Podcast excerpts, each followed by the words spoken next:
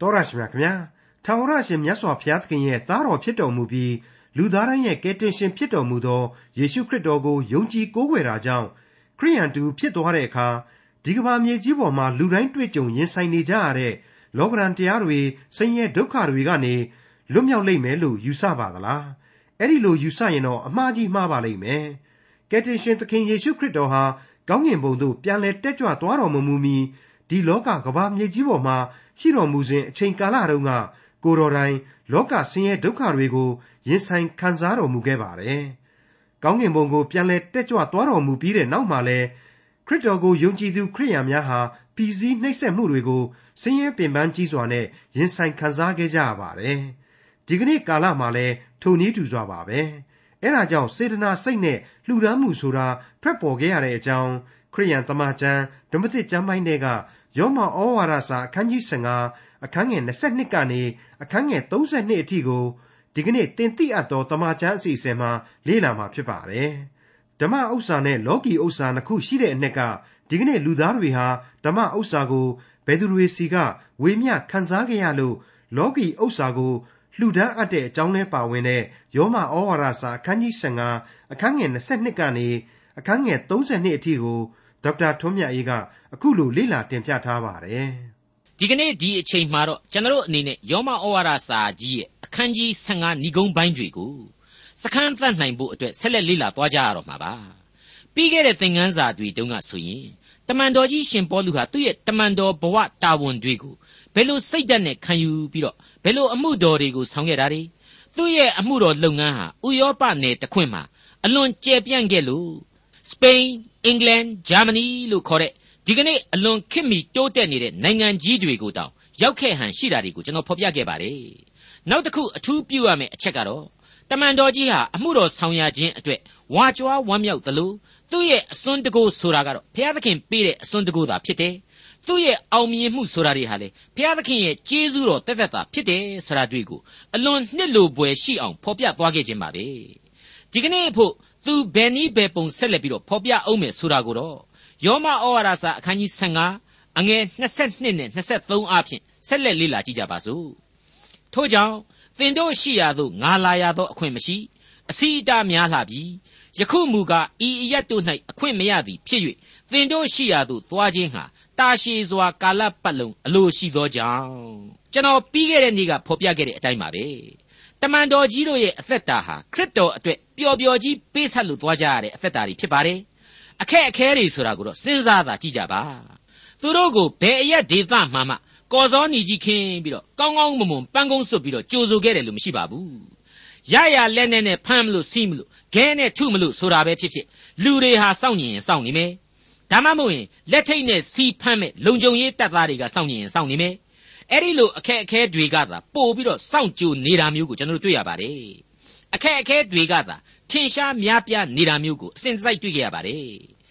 ဤရက်တို့၌အခွင့်မရသောကြောင့်ဆိုတာကတော့သူဟောခွင့်ပြောခွင့်မရှိတာကိုမဆိုလိုပါဘူး but now having no more place in these parts လို့ပြောထားတဲ့အတွက်ကြောင့်ဒီဘက်ပိုင်းမှာနေရာမကျန်ဟောပြောခဲ့ပြီးပြီမို့ဆိုတဲ့အဓိပ္ပာယ်ကိုသူဆိုလိုခြင်းဖြစ်ပါတယ် အဲ့ဒီလိုဟောခဲ့ပြောခဲ့လို့အသင်းတော်တွေဖြစ်ပေါ်ခဲ့ပြီဆိုတာဟာလည်းမငင်းနိုင်ပါဘူးဒါပေမဲ့အဲ့ဒီလိုဟောပြောခြင်းအပြင်နားထောင်ရသူအကုန်လုံးယုံကြည်ကြပြီလားခရစ်တော်ကိုလက်ခံကြပြီလားဆိုရင်တော့ခေါင်းခါပြရမှာအမှန်ပါပဲဘာပဲဖြစ်ဖြစ်ကဘာမြေအနှံ့ကိုခြေဆန့်ရတယ်ဆိုတဲ့အတိုင်းပဲခြေလျင်သာသွားလို့ရတဲ့ခင်မျိုးမှာသူဟာအလွန်ကျယ်ဝန်းတဲ့လောကကြီးကိုဥတီနေသူဖြစ်လေတော့မျိုးစေ့ကိုကျဲဖြန့်လို့သာသွားရတယ် ပြန်လဲရိတ်သိမ်းတာကိုတော့အဆက်ဆက်သောယုံကြည်သူများကသာဆက်လက်တာဝန်ယူသွားလိမ့်မယ်လို့ကျွန်တော်ယုံကြည်မိပါတယ်မိษွေအပေါင်းတို့ခမညာကျွန်တော်ရဲ့ဓမ္မဆရာကြီးတွေဟာဘယ်အတိုင်းအတာအထိပဲတာဝန်ယူတတ်တယ်ကျွန်တော်သာမန်ယုံကြည်သူတွေအနေနဲ့ဘယ်အပိုင်းခြားကနေစပြီးတော့တာဝန်ယူရမယ်ဆိုတာဒီကိုကျွန်တော်အလေးအနက်စဉ်းစားဖို့ရန်အချိန်တန်နေပါပြီယောမဩဝါဒစာအခန်းကြီး15အငယ်24 စပါနိပြည်သို့ငါသွားသောအခါလန်ခရီး၌သင်တို့ကိုတွေ့မြင်၍သင်တို့နှင့်အတူပေါင်းဖော်လျက်အတန်အရာအလိုပြည့်စုံပြီးမှထိုပြည်သို့သင်တို့ပို့ဆောင်ခြင်းကျေးဇူးကိုခံမည်ဟုမျှော်လင့်၏အခုတွေ့ရတဲ့စပါနိပြည်ဆိုတာကတော့စပိန်ပြည်ကိုပြောလိုက်ခြင်းပဲဖြစ်ပါတယ်ဒီတော့သူ့ရဲ့ခရီးစဉ်ရည်မှန်းချက်တွေဟာယောမအင်ပါယာရဲ့အရှိတောင်စွန်းကနေပြီးတော့ယောမအင်ပါယာရဲ့အနောက်စွန်းကိုပါသူခြေဆန့်မှုပြင်ထားပြီး တနည်းအားဖြင့်ယောမဆိုတဲ့ကမ္ဘာအင်အားကြီးအင်ပါယာကြီးရဲ့အစွန်းတစ်ဖက်ကနေနောက်တစ်ဖက်အထိကိုထိုးဖောက်ပြီးတော့အမှုတော်ဆောင်ဖို့ပဲဆိုတာရှင်းနေပါတယ်ရည်မှန်းချက်ဘလောက်ကြီးမားသလဲအဲ့ဒါဟာတခြားမဟုတ်ဘူးကဲတင်ချင်းကျေးဇူးကိုလူသားတွေခံစားစေခြင်းလို့လို့ပါဒီအချက်အားဖြင့်သူဟာခရစ်တော်အကြောင်းကိုလူသားတို့သိဖို့ဘလောက်အထိစိတ်စေတနာရှိခဲ့တယ်တစ်ချိန်တည်းမှာပဲသူ့ရဲ့ဝိညာဉ်ရေးအင်အားဟာလေဘလောက်အထိပြင်းထန်တယ်ဆိုတာတွေကိုကျွန်တော်တို့အကဲဖြတ်နိုင်လောက်ပါတယ် ဘာပဲပြောပြောစပိန်ပြည်ကိုသူရောက်ရှိခြင်းမှတ်တမ်းကိုနှုတ်ကပတ်တော်မှာမဖော်ပြပါဘူးထို့အတူပြီးခဲ့တဲ့သင်ခန်းစာမှာပါဝင်တဲ့ဣလူယေဆိုတဲ့အရက်ကိုလေသူဟာရောက်ခဲ့ကြောင်းကိုသာဖော်ပြပြီးတော့ဖြစ်ရတီကိုတော့မှတ်တမ်းပြုမထားခဲ့တဲ့အတွက်သူဟာစပိန်ကိုလည်းမုတ်ချသေးကြရောက်ခဲ့ရမှာအမှန်ပဲဖြစ်တယ်လို့ကျွန်တော်တွေးပါတယ်အခုကျမ်းရဲ့ဖော်ကျူးလိုက်ပုံအရဆိုရင်တမန်တော်ကြီးဟာအတိတ်ကာလတစ်လျှောက်လုံးမှာယောမကိုပဲဥတီနေခဲ့တယ်ဆိုတာကိုပူးတွဲတွေးဆလိုက်မယ်ဆိုရင် ယောမမြို့တော်ကြီးကိုစိတ်ဆွဲခဲ့တယ်ဆိုတာမှန်တယ်ဒါပေမဲ့ယောမကမှတစ်စစ်ယောမယုံကြည်သူတို့ရဲ့အကူအညီနဲ့နောက်ထပ်ခရီးများဆက်ဖို့ရှိနေတယ်ဆိုတဲ့အချက်ပေါ်လာပါတယ်မှတ်တမ်းထဲမှာမလိုအပ်လို့ဘုရားသခင်ကပယ်ထားတာကိုကျွန်တော်သိပြီးအသေးမစိတ်လိုပါဘူးဒါပေမဲ့ဆက်ဆက်တွေးခေါ်လိုက်မယ်ဆိုရင်တော့စပိန်ရဲ့စောစောတုန်းကကြားခဲ့ရတဲ့ Illyrate သို့မဟုတ် Illyricum လို့ခေါ်တဲ့အခု Austria Germany ခေါ် Danube မြစ်ကြီးဖြတ်စည်းဆင်းတဲ့ဒေသတွေရဲ့ ဒီရက်မကအင်္ဂလန်နိုင်ငံအထိတောင်မှရောက်ရှိခဲ့လိမ့်မယ်လို့ကျွန်တော်ယုံကြည်ပါတယ်အကယ်၍သာသူဟာအခုလိုသူ့ဆန္ဒပြင်းပြတဲ့အတိုင်းမရောက်ခဲ့ဘူးဆိုရင်ငါတာဝန်တွေကြေပြီဆိုတာမျိုးသူဖော်ပြမယ်မဟုတ်ပါဘူးတိမောသေဩဝါဒစာဒုတိယစာဆောင်အခန်းကြီး၄အငယ်9ကိုကြည့်လိုက်ရင်အခုလိုသူကြေညာခဲ့ပါတယ်စုတေရသောအချိန်ရောက်လေပြီကောင်းစွာသောတိုက်လှန်ခြင်းကိုငါပြုပြီပြေးရသောလမ်းကိုအဆုံးတိုင်အောင်ပြေးပြီ ယုံကြည်ခြင်းတရားကိုစောင့်ရှောက်ပြီဆိုတဲ့ကြေညာချက်ပါပဲဘာပဲဖြစ်ဖြစ်အခုဒီဩဝါဒစာကိုရေးသားနေတဲ့အချိန်မှာတော့သူဟာယေရုရှလင်မြို့ကြီးစီကိုသွားဖို့ရှိနေသေးတယ်ဆိုတာကိုအခုလိုသူကဆက်လက်ပြီးတော့ဖွင့်ဆိုပြလိုက်ပါတယ်အငယ်25နဲ့26ယခုအခါတန်ရှင်းသူတို့ကိုလှုပ်ကြွေး၍ယေရုရှလင်မြို့သို့ငါသွားရမည် အကြောင်းမူကားမာကေဒေါနိပြည်သားနှင့်အခါယပြည်သားတို့သည်ယေရုရှလင်မြို့၌ဆင်းရဲသောတန်ရှင်းသူတို့အားဥစ္စာကိုဝေမျှ၍စေတနာစိတ်နှင့်လှူကြပြီစဉ်းစားလေလေလေးနဲ့လေးလေးပဲလို့အခုကြမ်းဖော်ပြချက်များကိုကျွန်တော်ဂုံတင်နေပါတယ်ရှင်ပေါလုဟာဝိညာဉ်အလင်းကိုဆောင်ကျင်းယုံတယ်မဟုတ်သေးပါဘူးလိုအပ်နေတဲ့ပုံကိုယ်တွေအထူးသဖြင့်လူမှုရေးအခက်အခဲရှိနေတဲ့ယုံကြည်သူတွေအပေါ်မှာ မေတ္တာများစွာနဲ့ထိထိရောက်ရောက်မဆကူညီတယ်ဆိုတာပေါ်လာပါပြီအဲ့ဒီလိုခေါင်းဆောင်ကြီးတွေရဲ့မေတ္တာစိတ်ဓာတ်ဆိုတာဟာအခြေခံယုံကြည်သူအလုံးစီအထိပြန့်နှံ့တိုက်တဲ့စိတ်ဓာတ်မျိုးဖြစ်တယ်အတူယူအားကြပွဲအတိဖြစ်တယ်လို့ကျွန်တော်ဆိုချင်ပါတယ်ဒီကနေ့ကမ္ဘာလူအဖွဲ့အစည်းမှာခရိယန်တွေဟာလူအများဆုံးဖြစ်ပါတယ်တရိပ်ရိပ်တိုးတက်နေတဲ့နှုံသားတွေအရာကမ္ဘာသန်းပေါင်း6000တဲ့မနေရှိနေတဲ့လူဦးရေတဲမှာခရိယန်ပြိသက်ဟာ 35ရာခိုင်နှုန်းအနည်းဆုံးရှိတယ်လို့စည်ရင်းစရာတွေကဖော်ပြနေပါတယ်လူဦးရေတွေတိုးတက်နေပြီမြဲအဲ့ဒီခရိယန်တွေအများဆုံးရှိနေတဲ့ကမ္ဘာပေါ်မှာ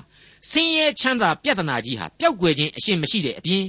အဲ့ဒီဆင်းရဲမွဲတေမှုအတွက်အကျိုးရလတ်ပေါင်းမြောက်များစွာတို့ဟာလေဆိုးကျိုးပေါင်းများစွာတို့ဟာလေလူပေါင်းလောကကိုနှိမ့်ဆက်နေစေပဲဖြစ်ပါတယ်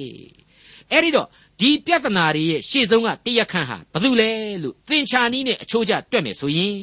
အများဆုံးအုပ်စုဖြစ်တဲ့ယုံကြည်သူခရိယန်များရဲ့ခေါင်းပေါ်ကိုလက်ညှိုးညွှန်ရမှာသာဖြစ်ပါတယ်ယုံကြည်သူအပေါင်းတို့ခမညာအဲ့ဒီ35ရာခိုင်နှုန်းဆိုတာဟာလေချမ်းသာကြွယ်ဝတဲ့နိုင်ငံကြီးတွေဖွံ့ဖြိုးပြီးသားနိုင်ငံကြီးတွေအများစုဖြစ်နေပါတယ်ဘုရားသခင်ပေးထားတဲ့ကောင်းကြီးမင်္ဂလာများကိုတကားပိတ်ပြီးတော့မှိန်ပြီးတော့စားမနေကြပါနဲ့ရှင်ပေါလုလိုထိတ်တန်းသာသနာခေါင်းဆောင်ကြီးတွေကိုယ်တိုင်ဟာမေတ္တာစိတ်ဓာတ်ကိုဖွင့်ဆိုပြနေခဲ့ပါပြီအဲ့ဒါဟာဘုရားသခင်အလွန်နှစ်သက်တဲ့ လူတော်ဝါတို့ရဲ့အပေါင်းလက္ခဏာတည့်ရလဲဖြစ်တယ်လို့ကျွန်တော်အနေနဲ့လေးနဲ့စွာဖော်ပြလိုက်ပါတယ်အခုတမန်တော်ကြီးရှင်ပေါလုဟာဒီလောက်အထိယေရုရှလင်ကိုကိုယ်တိုင်သွားကျင်နေတဲ့အဓိကရအချက်ကတော့တခြားမဟုတ်ပါဘူးသူ့ရဲ့အတိတ်သမိုင်းအပြစ်ကြွေးတွေကိုသူဟာမေတ္တာနဲ့ဆက်ပေးလိုတဲ့စိတ်တွေပြင်းထန်လွန်းခဲ့လွန်းလို့ပဲလို့ကျွန်တော်ပြောရဲပါတယ်ဟုတ်ပါတယ်သူဟာလူဆိုးလူမိုက်ရှောလူဘဝလူငယ်တယောက်ဖြစ်စဉ်တုန်းကဆိုရင်ယေရုရှလင်မြို့တော်ကိုဗဟိုပြုတ်ပြီးတော့ ခရိယန်ဆန့်ကျင်ရေးကိုရှေ့တန်းကနေလှုပ်လာခဲ့တယ်လူမဟုတ်ဘူးလားတတိဖန်ကိုတတ်တုံးကလည်းရှေ့တန်းတနေရာကပါဝင်ခဲ့တာသူပဲအဲ့ဒီလိုမြို့တော်တလွားမှာခရိယန်မှန်တဲ့ရွေ့ကိုနှိပ်စက်ခဲ့သူတတ်တောင်တတ်ဖြတ်ခဲ့သူဟာအခုလိုယုံကြည်ခြင်းရှိခဲ့ယုံသားမကအမှုတော်ကိုပါဆောင်ရွက်နေတဲ့တမန်တော်ကြီးဘဝမှာအတိတ်ကာလနေ့ရက်တွေကိုဆွေးဆွေးမြင့်မြင့်ပြန်ပြီးတော့တွေးတောဆင်ခြင်မိခဲ့ဟန်တူပါတယ်။သူဟာသူ့ရဲ့ဥယောပခရီးစဉ်မှာ ယုံကြည်သူတွေကလှူဒန်းလိုက်တဲ့ဥစ္စာပစ္စည်းတွေကိုယေရုရှလင်ကယုံကြည်သူဆင်းရဲသားများကိုကိုယ်တိုင်ကဝေမျှပေးနေခြင်းနဲ့ဆိုတာကျွန်တော်တွေ့ရပြီ။ကျွန်တော်စိတ်ထဲမှာရှိတာကိုပြောရမယ်ဆိုရင်တော့ပိုက်ဆံဖြစ်နိုင်တယ်။ရွှေတွေဖြစ်နိုင်တယ်။အဲ့ဒါတွေနဲ့သူဟာပြုစုခြင်းတယ်ဆိုတဲ့စိတ်နဲ့မြို့တော်ကြီးစီကိုတကူးတကန်သွားရောက်ခဲ့ပါတယ်တဲ့။မိษွေတို့ရေဒီအချက်တွေဟာကျွန်တော်တို့ဟာတမန်တော်ဝတ္ထုရဲ့အခန်းကြီး24အငယ်16မှာလည်းပြန်ပြီးတော့ကြည့်ပြီးတော့အတီးပြုလို့ရနိုင်ပါလိမ့်မယ်။ အဲ့ဒီမှာနှစ်ပေါင်းများစွာလွန်သောအခါ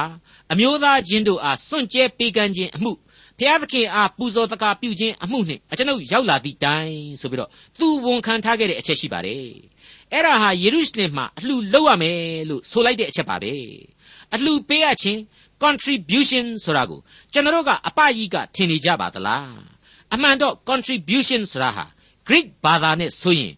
koinonia ဖြစ်ပါတယ်။ ဝိညာဉ်ရေးသဘောပါဝင်ပါတယ်။မေတ္တာတော်ကိုဝေမျှခြင်းနဲ့မိသဟာယပြုခြင်းဆိုတဲ့အလွန်မြင့်မြတ်တဲ့ဆောင်ရွက်ချက်ကိုဖော်ပြခြင်းပဲဖြစ်ပါတယ်။အဲဒီတော့ကျွန်တော်ခရိယန်တွေရဲ့အလှူဆိုတာဟာဥစ္စာပစ္စည်းတွေကိုယူစေဆိုပြီးတော့ပေးလိုက်တာတနာလို့ဆိုပြီးတော့အနစ်နာခံပြီးပေးရတဲ့ပုံမိုနဲ့ဆိုင်နေတယ်ဆိုတာထင်ရှားနေပြီမဟုတ်ဘူးလား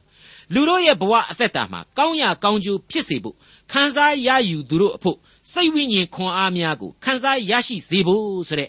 အံ့ဩပွေမေတ္တာစိတ်ဓာတ်နဲ့လှုပ်ဆောင်ရခြင်းအမျိုးအစားဖြစ်ပါတယ်ကယ်တင်ရှင်ကျေးဇူးတော်ကိုဝေမျှခြင်းသဘောတရားအခြေခံမှာလဲပါဝင်တယ်ဆိုတာရှင်းနေပါတယ်ယောမဩဝါဒစာအခန်းကြီး15အငယ်29စေတနာစိတ်ရှိသည်ဟုဆိုသောထိုသူတို့သည်ကျေးဇူးတင်သောသူဖြစ်ကြ၏အကြောင်းမူကားတပါးမျိုးသားတို့သည်ဓမ္မဥစ္စာကိုယူရအမျိုးသားတို့နှင့်ဆက်ဆံ၍ခံရသည်မှန်လျင်လောကီဥစ္စာကိုလှူ၍လှုပ်ကြွေးအပ်၏ စေတနာစိတ်ဆိုတာကိုအတုံးလိုက်အတက်လိုက်ဒီနေရာမှာသဘောမထားရပါဘူးကိုယ့်ရဲ့အတွင်းအစ္ဆထနှလုံးသားမှာကိုကရှိနှင့်နေတဲ့မြတ်သောမနောမြတ်သောသဘောကိုဖော်ပြသောအရာတစ်ခုအဖြစ်ဆင်ခြင်စဉ်းစားဖို့လိုအပ်လာပါတယ်ကောရိန္သုဩဝါဒစာဒုတိယစာဆောင်အခန်းကြီး9အငယ်9မှာအခုလိုရှင်ပေါလုဖော်ပြထားတဲ့အချက်ကိုထပ်မံဖော်ပြပါရစေနှမျောသောစိတ်နှင့်မလှူရမလှူဘဲလဲမနေရဟုစိတ်ထင်နှင့်မလှူရ အကြောင်းမူကားစေတနာစိတ်နှင့်လှူသောသူကိုသာဘုရားသခင်နှစ်သက်တော်မူ၏ရဲ့လို့ဖြစ်ပါတယ်နောက်တစ်ခုရှိသေးတာကတော့အလွန်အရေးကြီးတဲ့အချက်ပါလူသားဆိုတာဟာဘုရားသခင်ကိုကျေးဇူးဆက်ရလောက်အောင်ဘာဆိုဘာမှပိုင်ထားတာမရှိပါဘူးအလွန်ဆုံးဘုရားသခင်ကိုကိုပိုင်နာကိုသာကိုပေးကြီးဆိုရင်လေအပြည့်အညစ်အကြေးတွေသာပေးเสียရှိတယ်ဆိုတာကိုသိရလိမ့်မယ်ဒါပေမဲ့ကိုယ့်ကိုဘုရားသခင်ကပြုတော်မူသောကျေးဇူးတော်တွေကိုတော့ကျေးဇူးတော်နဲ့ထိုက်တန်လောက်အောင်နဲ့ဆိုင်ကျယ်ပြန့်တဲ့ကိုပိုင်တယ်ထင်တဲ့ကိုဘဝ ကိုပိုင်တယ်ထင်တဲ့ကိုစည်းစိမ်ကိုပိုင်တယ်ထင်တဲ့ကိုဥစ္စာနဲ့တက်တည်ထင်ရှားစေဖို့ကောင်းမှုဆောင်ကျင်းရမယ်ကောင်းကျိုးဖြစ်လောက်တဲ့အထိအစွန်းကုန်အားထုတ်ပေးကြရပါလိမ့်မယ်ဒါဟာဘုရားသခင်ပေးသောအရာနဲ့ဘုရားသခင်ကိုပြန်လဲကျေးဇူးတုံ့လှည့်ခြင်းဖြစ်ရလိမ့်မယ်ဆိုတာကိုကျွန်တော်ပြောခဲ့ပြီးပါပြီဒါကိုမိษွေတို့လည်းသဘောပေါက်လောက်ကြလိမ့်မယ်လို့ကျွန်တော်အလေးနဲ့ယုံကြည်မိပါတယ်ဆက်လက်ပြီးတော့အဲ့ဒီလိုကျေးဇူးသိတတ်ခြင်းဆိုတဲ့နေရာမှာဘုရားသခင်အသုံးပြုခဲ့တဲ့သမိုင်းစင်မြင့်ဘောကဣသရေလဆိုရင်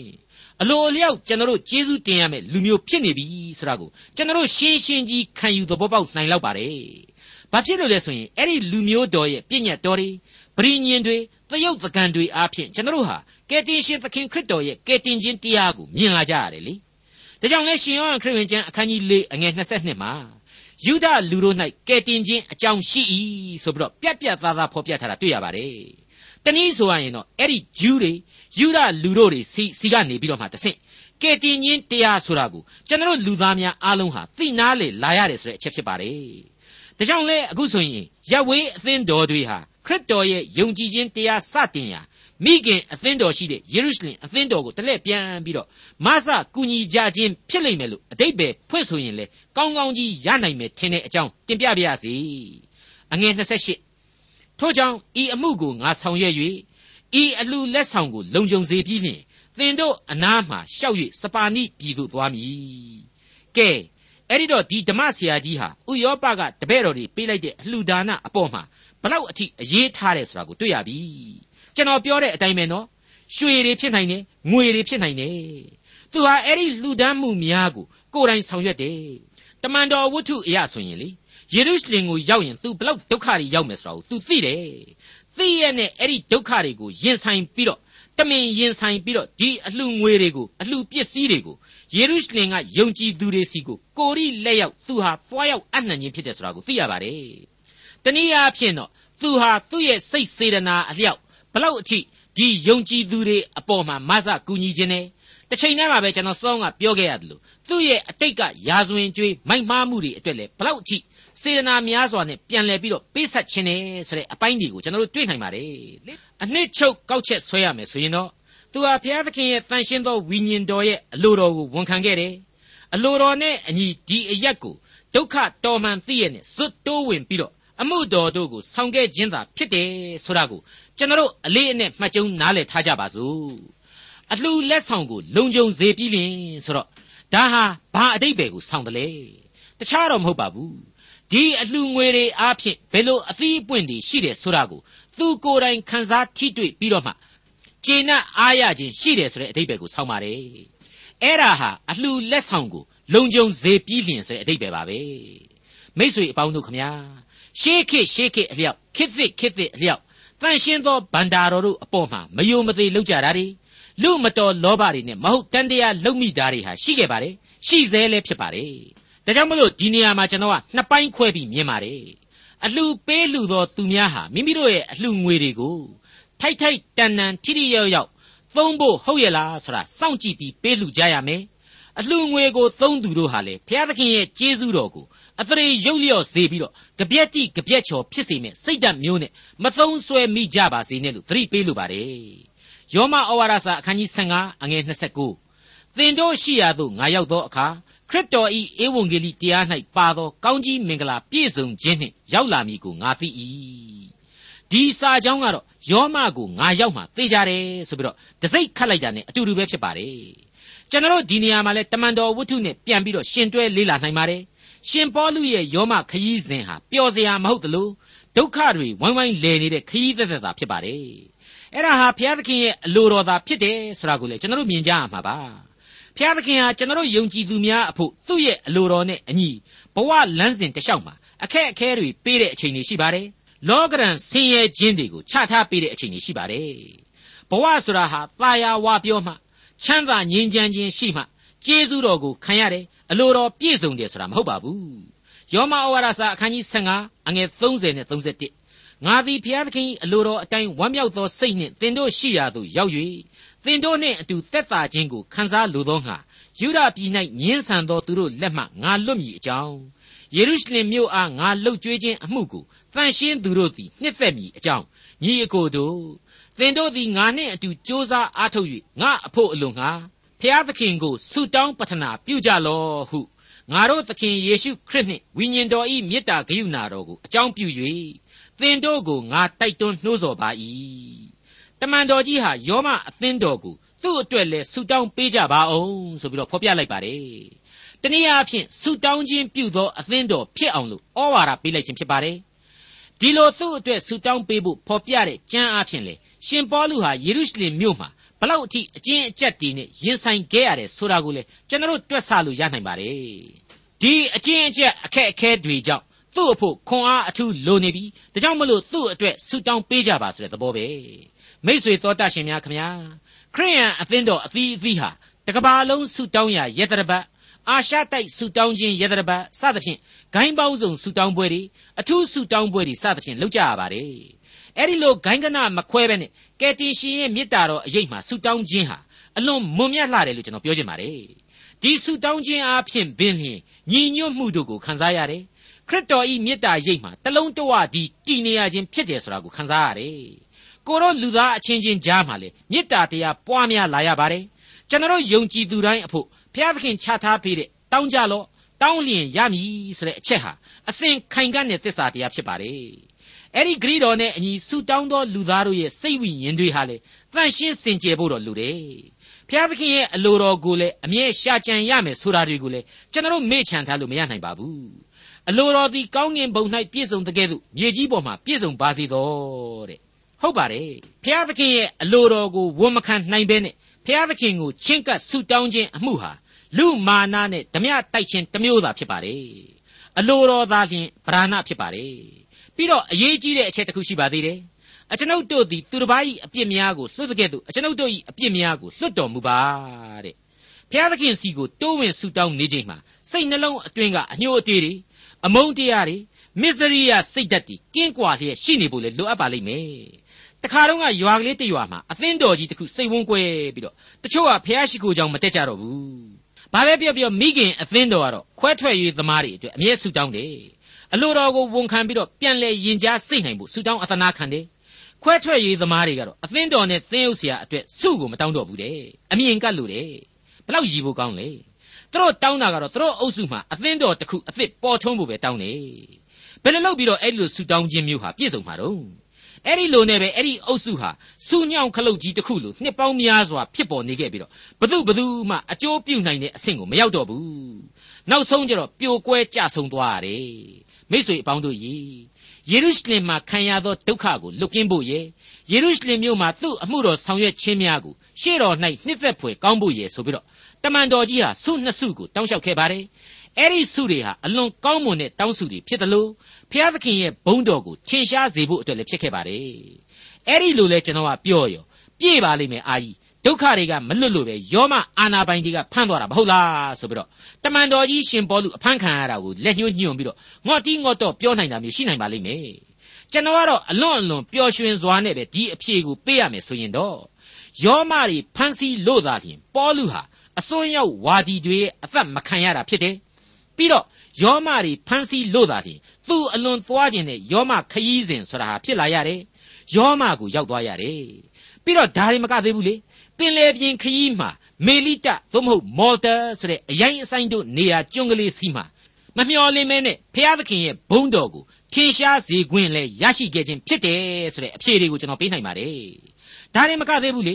ယောမရဲ့ပင်လေကူသင်္ဘောကြီးပေါ်ကမာလိန်မှုနဲ့တကွအရာရှိတွေ အကျဉ်းသားသေလူတွေရဲ့ရှေ့မှာလေဒီမုံတိုင်းခရီးအတွင်းမှာဘုရားသခင်ရဲ့ဘုန်းတော်ကိုထင်ရှားစေခဲ့သေးတယ်ဆိုတာဟာချန်လို့မရနိုင်ပါဘူးသေလူဆိုတာတခြားမဟုတ်ဘူးအဲ့ဒီသင်္ဘောမှာသူနဲ့အတူပါသွားတဲ့အကျဉ်းကျတဲ့လူတွေဆိုတာဟာလေအဲ့ဒီယောမခေတုံကဆိုရင်ရုံးကိုရောက်လို့ရှိရင်မုတ်ချအချင်းချင်းဓာတ်နဲ့ခုတ်ဒုံနဲ့ရိုက်ပြီးသေခြင်းသေကြရမယ်ချင်းသေးနဲ့တော့၎င်းကြားနဲ့တော့၎င်းသူတို့နှပန်းလုံးပြီးသေကြရမယ်လူတွေ အဲ့ဒီလူတွေရဲ့ဏိဂုံးကာလမှာတမန်တော်ကြီးရှင်ပေါလုဟာအေဝံဂေလိသတင်းစကားကိုဖော်ပြနိုင်ခဲ့တယ်မဟုတ်ဘူးလားတနည်းအားဖြင့်ပျောက်ဆုံးလူစဲဝိညာဉ်တွေကိုသူကယ်နိုင်ခဲ့တယ်လေဒါတွေဟာသူ့ရဲ့ဆူတောင်းပြည့်ခြင်းဘုရားသခင်ရဲ့အလိုတော်နဲ့အညီတောင်းစုများပြည့်ဖြည့်စည်းခြင်းလို့ကျွန်တော်ကတော့အလေးအနက်ယုံကြည်တယ်မိ쇠အပေါင်းတို့ခမညာအဲ့ဒီလိုဘေးဒုက္ခအပေါင်းကလွတ်ကင်းခြင်းအောင်မြင်စွာအမှုတော်ဆောင်ရွက်နိုင်ခြင်းတို့ရဲ့အပိသက်ရလတ်ကတော့ ငါသည်ဘုရားသခင်အလိုတော်အတိုင်းဝမ်းမြောက်သောစိတ်နှင့်သင်တို့နှင့်အတူသက်သာခြင်းအခွင့်ကိုခံစားရခြင်းဆိုတဲ့အခွင့်အရေးကြီးပဲဖြစ်ပါတယ်မိ쇠အပေါင်းတို့ခမညာဘုရားသခင်ရဲ့အလိုတော်နဲ့အညီခံစားရတဲ့ဝမ်းမြောက်ခွင့်စိတ်သက်သာခွင့်တို့ဆိုတာတွေဟာဘုရားသခင်ရဲ့အမှုတော်ကိုဆောင်သူများအဖို့ထိုက်တန်တော်လျော်သောဆုလက်တွေပဲဖြစ်ပါတယ်မိမိတို့ရဲ့ဇာတိပဂရိစိတ်အစဉ်မှအားဖြင့်သွန်လောင်းပေးလိုက်တဲ့ဝိညာဉ်ခွန်အားသစ်တွေပဲဖြစ်တယ်လို့ကျွန်တော်ဖွင့်ဆိုချင်ပါတယ် တိမောသေဩဝါဒစာပထမစာဆောင်အခန်းကြီး၄အငယ်6မှ8အတွင်းမှာဤစကားများကိုသင်သည်ညီအကိုတို့အားကြားပြောလျင်ယုံကြည်ချက်စကားကိုယ်တိုင်ရှာဖွေလေ့ကျက်သောတမန်ဩဝါဒစကားနှင့်မွေးမြူခြင်းကိုခံသောယေရှုခရစ်၏ဓမ္မဆရာကောင်းဖြစ်လိမ့်မည်မိမအိုပြောတတ်သောတရားမဲ့ဖြစ်သောဒန္တာဤစကားကိုပယ်ရှား၍ဖျားဝတ်၌မွေးလျော်ခြင်းအပြင်ကိုကိုကိုဆုံးမလောကိုကာယကိုဆုံးမခြင်းသည်များစွာသောအကျိုးကိုမပေးတတ် ဖျားဝတ်၌မွေးလျော်ခြင်းမူကားယခုဘဝနောင်ကာလနှင့်ဆက်ဆိုင်သောဂရိတော်ကိုရသည်ဖြစ်၍ဆိုပြီးတော့ဖော်ပြထားပါတယ်ဟုတ်ပါတယ်ဘုရားသခင်ရဲ့အလိုတော်နဲ့ညီညွတ်တဲ့ဝမ်းမြောက်ပျော်ရွှင်မှုစိတ်ငြိမ်သက်ချမ်းသာမှုတို့ဟာခရစ်တော်အားဖြင့်ပြည့်ဝစွာခံစားရရှိစေနိုင်ပါတယ်ဒီစုကျေးဇူးဟာယခုဘဝနောင်ကာလတို့အတွက်ဖြစ်တဲ့အနန္တစုကျေးဇူးတော်လို့ကျွန်တော်သတ်မှတ်ရပါလိမ့်မယ်ယောမဩဝါဒစာအခန်းကြီး15အငယ်32 ငြိမ်သက်ခြင်းအရှင်ဘုရားသခင်သည်သင်တို့ရှိသမျှနှင့်အတူတည်နေတော်မူပါစေသောအာမင်ဒေါက်တာထွန်းမြတ်အေးစီစဉ်တင်ဆက်တဲ့တင်ပြအပ်သောတမချန်းအစီအစဉ်ဖြစ်ပါတယ်နောက်တစ်ချိန်အစီအစဉ်မှာခရိယန်တမချန်းဓမ္မသစ်ကျမ်းပိုင်းတွေက